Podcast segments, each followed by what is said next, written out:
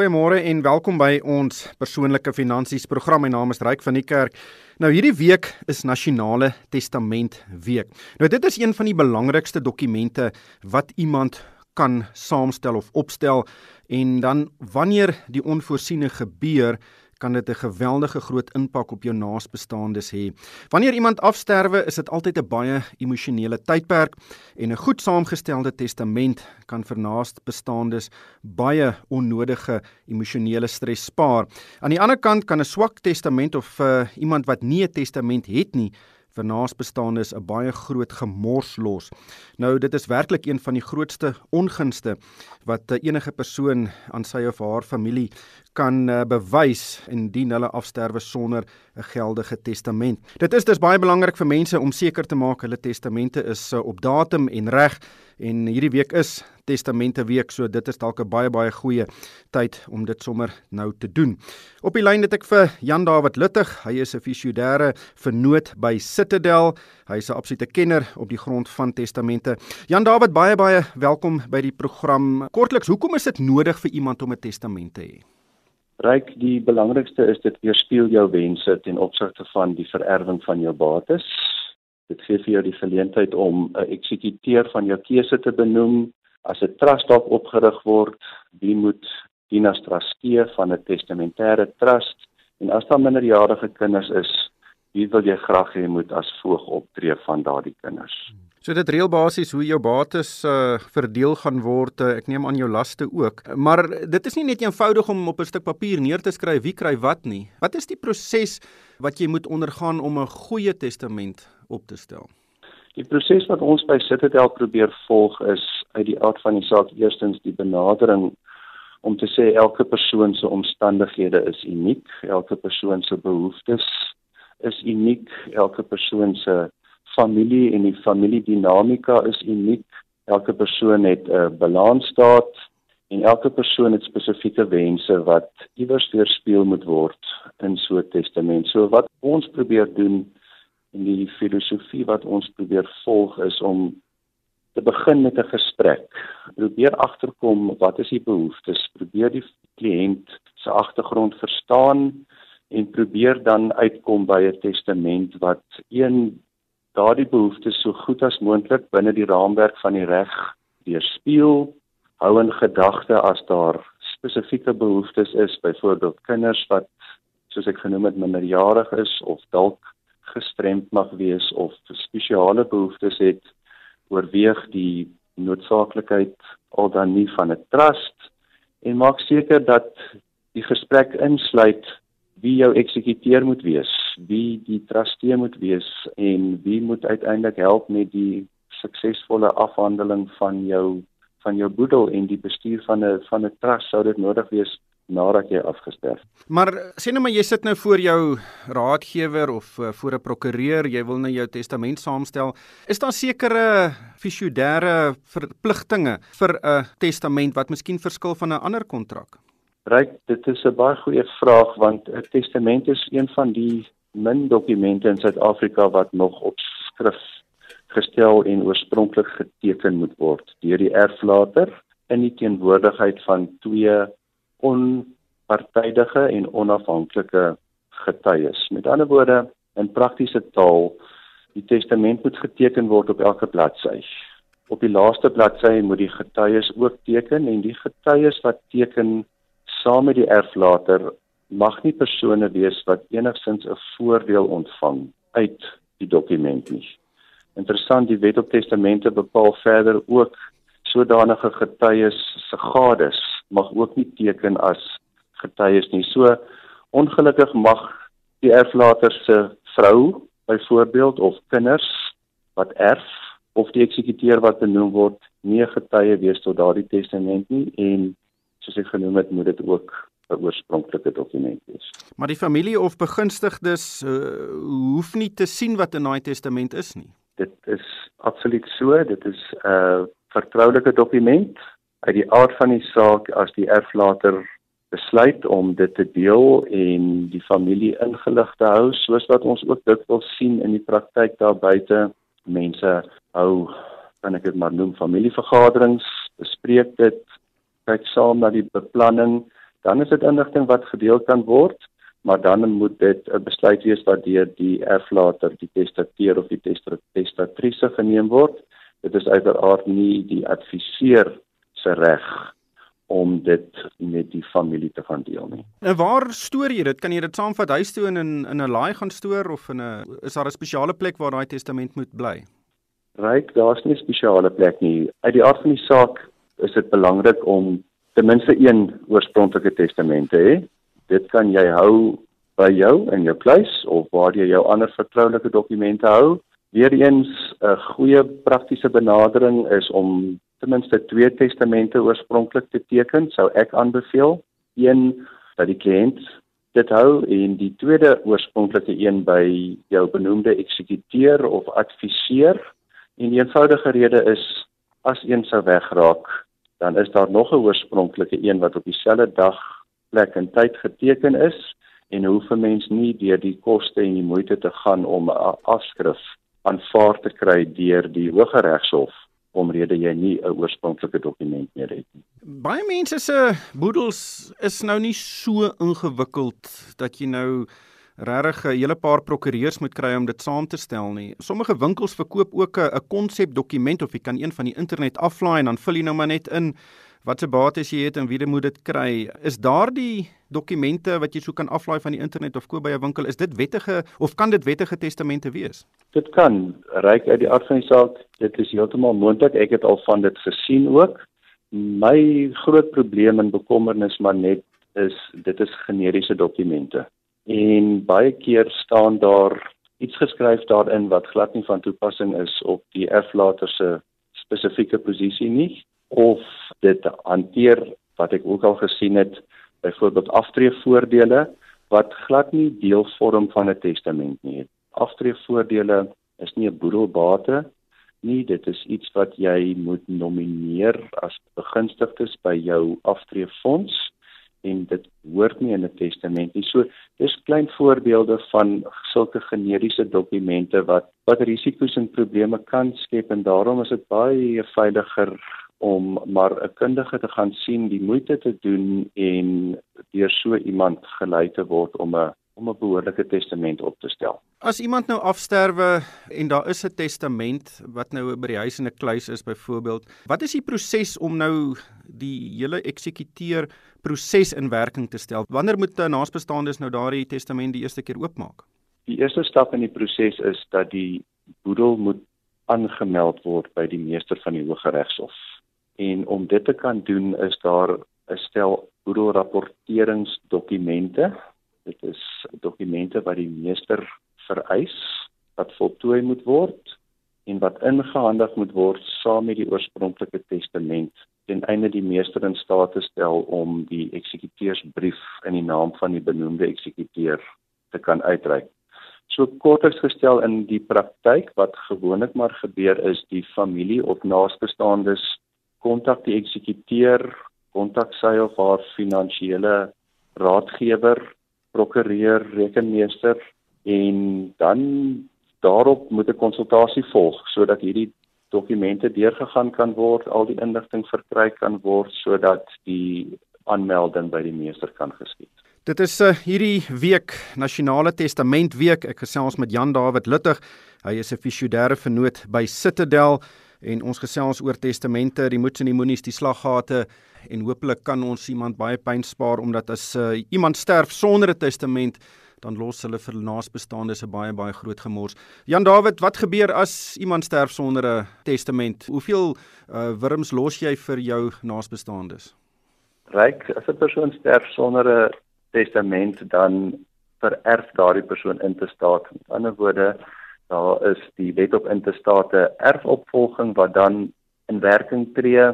Die lank en die kort daarvan is dat hierdie betrokke stuk wetgewing dan voorskryf hoe jou bates moet verdeel, wie die eksekuteur is wat aangewys moet word. Gewoonlik is dit dan 'n nominasie wat die meester vereis en wat ons ook al gesien het in so 'n geval is die vererwing van jou bates kan dan plaasvind na persone wat jy nie noodwendig in gedagte gehad het moet erf nie omrede daar baie spesifieke reëls is hoe die bates dan verdeel moet word in so 'n situasie. Kom ons gesels oor die eksekuteur. Dis natuurlik 'n baie baie belangrike persoon in hierdie hele proses. Wat is 'n eksekuteur van 'n boedel en en en hoe word daardie persoon of instansie aangewys? Die eksekuteur is die persoon wat jou boedel beredder of wat die boedel afhandel. Dit is presies wat jy daar sê, 'n geweldig belangrike persoon in hierdie hele proses. In Suid-Afrika geld die beginsel van testeervryheid wat beteken die erflater kan enige iemand van sy of haar keuse benoem as eksekuteur. Die belangrike ding om deesdae maar net te besef is dat dit is 'n emosionele tyd. Dit is 'n moeilike tyd vir die familie en 'n mens wil graag iemand hê wat jou by die hand kan vat en jou deur die proses kan lei om rede nie almal wat benoem word as eksekuteur noodwendig vertroud is met die proses wat gevolg moet word in terme van van ons wetgewing nie. En daarom is dit in ons opinie by Citadel belangrik dat oorweging gegee moet word aan die benoeming van 'n mede-eksekuteur soos 'n professionele eksekuteur, professionele instansie wat juis daardie verantwoordelikheid kan oorneem en die familie in staat kan stel om die afsterwe te hanteer terwyl die proses aan die ander kant voortgaan en die meester in kennis gestel word. Natuurlik word die eksekuteur betaal uit die boedel uit. Wat is daardie fooi? Dan is die eksekuteursloon wat in Suid-Afrika van krag is, is 3.5% op die waarde van die bates in die boedel plus BTW. Dit is die vertrekpunt ryk wat eksekuteurs fooi aanbetref is ook belangrik om net te herhaal wat ek nou nou gesê het, nie alle bates in jou naam vorm noodwendig deel van die boedel nie, iets soos aftreevoordele omrede jy dit nie in die testament kan hanteer nie en 'n begunstigde van jou keuse benoem by jou fonds, is dit ook nie iets wat onderhewig is aan eksekuteursloon nie.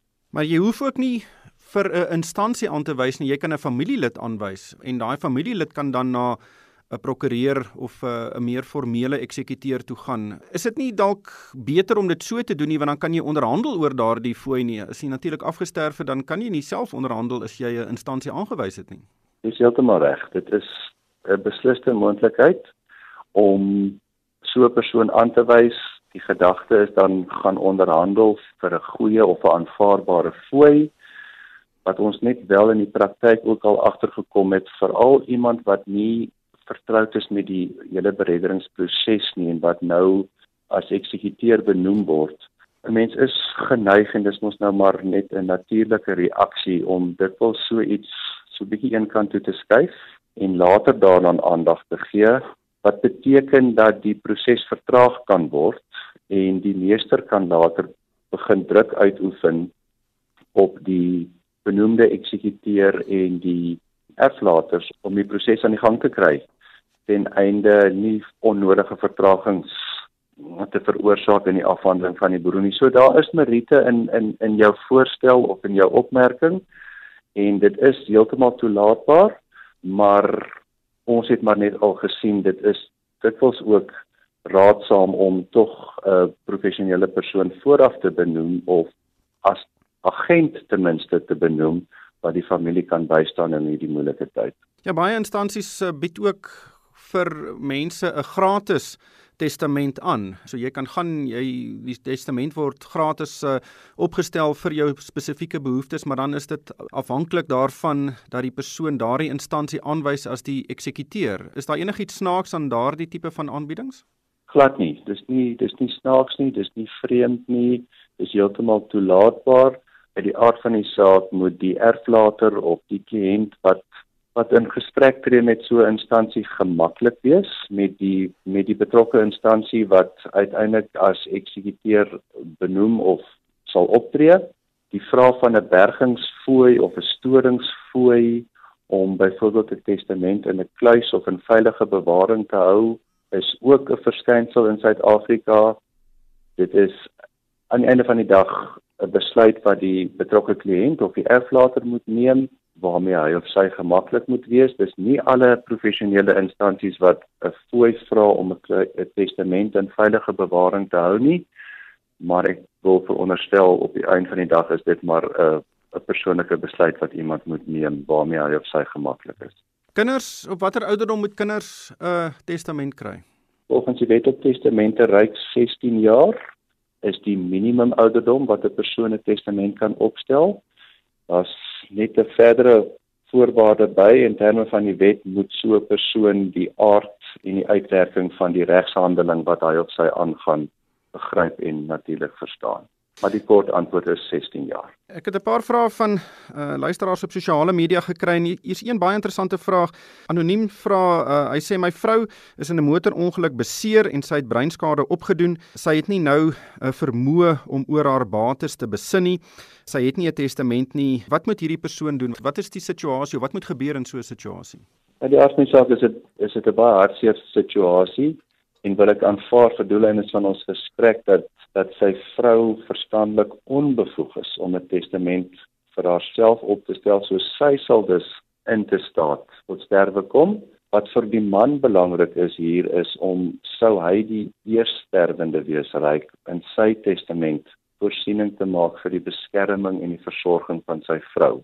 En 'n uh, praktiese manier is byvoorbeeld om haar bates te laat vererf aan 'n trust wat hy oprig in sy testament indien hulle nie reeds familie trust as deel van hulle finansiële beplanning het nie kan 'n testamentêre trust opgerig word in die testament waarvan sy vrou dan die begunstigde is en die trustee is dan vir haar.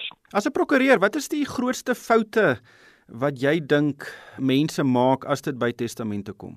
Van die grootste foute wat ons sien mense maak is een om byvoorbeeld nie 'n testamentêre trust of voorsiening te maak by wyse van 'n testamentêre trust vir minderjarige kinders nie. Ons sien dikwels testamente waar bates vererf, byvoorbeeld aan die langslewende, dan aan die kinders, selfs die kleinkinders, maar en dit is waar die testament stop en dan word daar nie voorsiening gemaak vir 'n uh, trust vir sodanige minderjariges nie. Onthou in terme van ons erfreg, Indien 'n persoon minderjarig is, met ander woorde nog onder die ouderdom van 18 jaar is en die testament nie voorsiening maak vir 'n trust vir sodanige erfgenaam wat minderjarig is nie, het die eksekuteur geen keuse as om die bates oor te dra na die voogdyfonds toe. En die voogdyfonds moet dan daardie bates namens die minderjarige bestuur. So dit is na my mening een van die groot foute probleme wat ons wat ons dikwels mee te doen het. Hoe werk daai voogdyfonds? Wie bestuur dit? Die voogdyfonds is deel van die meester van die Hooggeregshof, dit val onder die departement van justisie.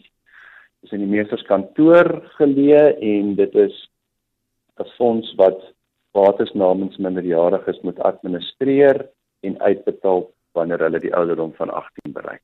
So dit kan ook 'n taamlike ingewikkelde proses wees en natuurlik kan dit vermy word deur 'n goeie testament. Net laastens sien jy dat mense baie keer nie gereeld hulle testamente opdateer nie en dat wanneer dit nou kom, wanneer die persoon tot sterwe kom, dat daar weet konflik in die familie is omdat dit uh, dalk heeltemal verouderd is. Ryk ons sit dikwels met kliënte wat testamente het wat 'n hele paar jaar oud is. Kliënte wat testament opgestel het toe hulle getroud is, Intussen het daar kinders bygekom, omstandighede het dalk verander, bates het bygekom, dalk bates in die buiteland wat aangeskaf is, maar die testament is nie aangepas om tred te hou met die verandering in omstandighede nie. Citadel se benadering in hierdie geval is ons probeer ons kliënte in die dissipline kry om elke 12 tot 18 maande hulle testamente te hersien. Dit beteken nie noodwendig dat daar elke keer 'n nuwe testament geteken moet word of dit 'n lang proses moet wees nie, maar ons probeer net weer op hoogte kom 'n slag met die kliënt se persoonlike omstandighede, wat het verander dalk. Ons sien dit dan ook as 'n geleentheid om terugvoer te gee rondom enige verandering aan wetgewing wat dalk op 'n testament 'n effek het. En dis 'n fantastiese geleentheid om dan net seker te maak 'n mens sit nie met 'n situasie eendag waar jy 'n verouderde testament het wat dalk familie fetus en ander ander probleme veroorsaak nie. Jan David, ons tyd is ongelukkig op. Baie baie dankie vir jou deelname vandag. Dit was Jan David Luttig. Hy is 'n fisioedêre vernoot by Citadel. Luisteraars is welkom om vir my 'n e-pos te stuur. My adres is ryk@moneyweb.co.za. En daarmee moet ons groet van myself Ryk van die Kerk en die Moneyweb span. Dankie vir die saamluister.